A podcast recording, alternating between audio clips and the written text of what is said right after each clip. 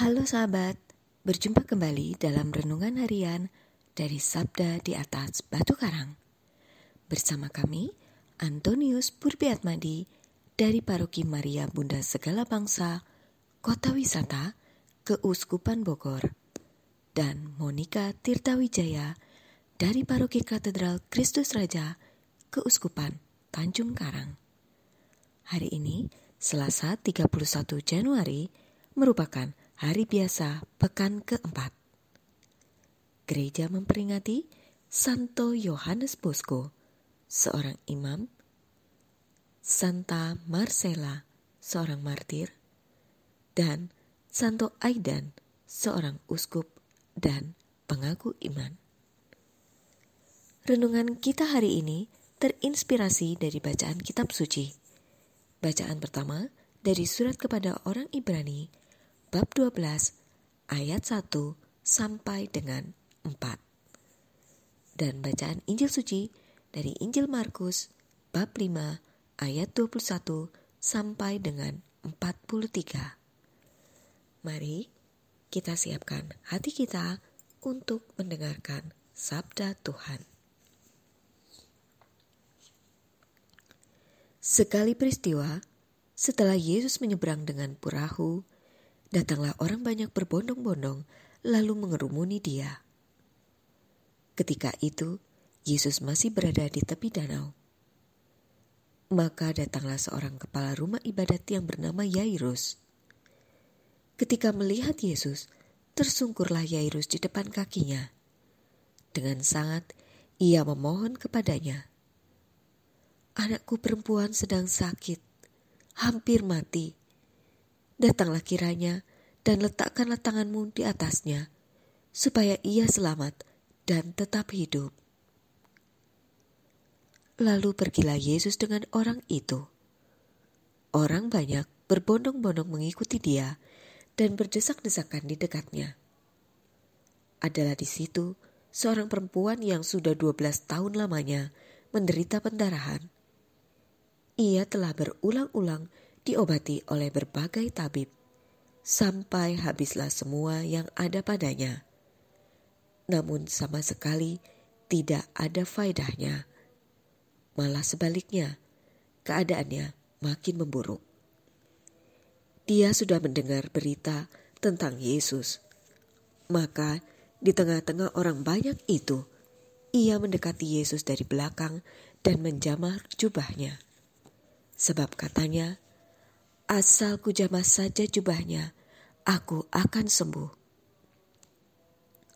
Sungguh, seketika juga berhentilah pengendaraannya dan ia merasa badannya sudah sembuh dari penyakit itu. Pada ketika itu juga, Yesus mengetahui bahwa ada tenaga yang keluar dari dirinya.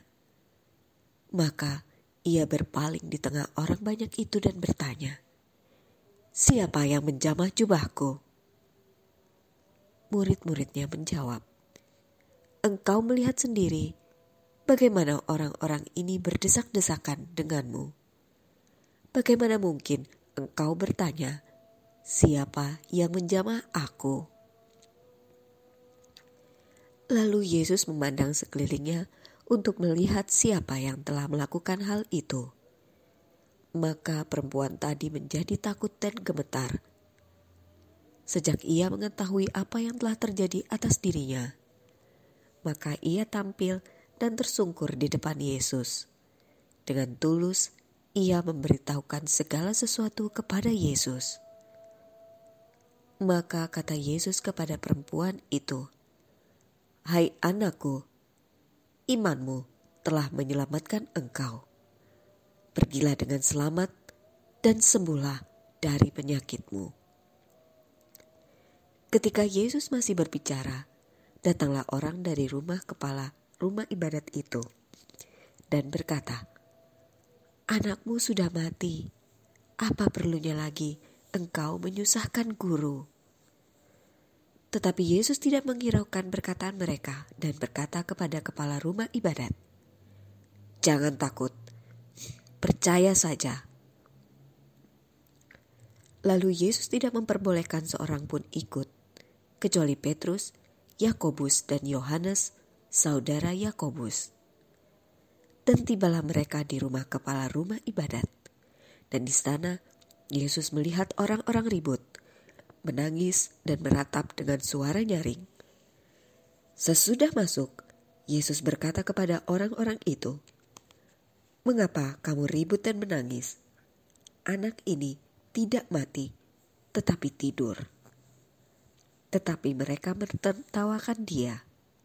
Maka Yesus menyuruh semua orang itu keluar, lalu ia membawa ayah dan ibu anak itu dan mereka yang bersama-sama dengan Yesus masuk ke dalam kamar anak itu. Lalu dipegangnya tangan anak itu. Katanya, Tali takum, yang berarti, Hai anak, aku berkata kepadamu, bangunlah. Seketika itu juga anak itu bangkit dan berdiri dan berjalan, sebab umurnya sudah 12 tahun. Semua orang yang hadir sangat takjub. Dengan sangat, Yesus berpesan kepada mereka supaya jangan seorang pun mengetahui hal itu. Lalu ia menyuruh mereka memberi anak itu makan. Demikianlah sabda Tuhan. Terpujilah Kristus.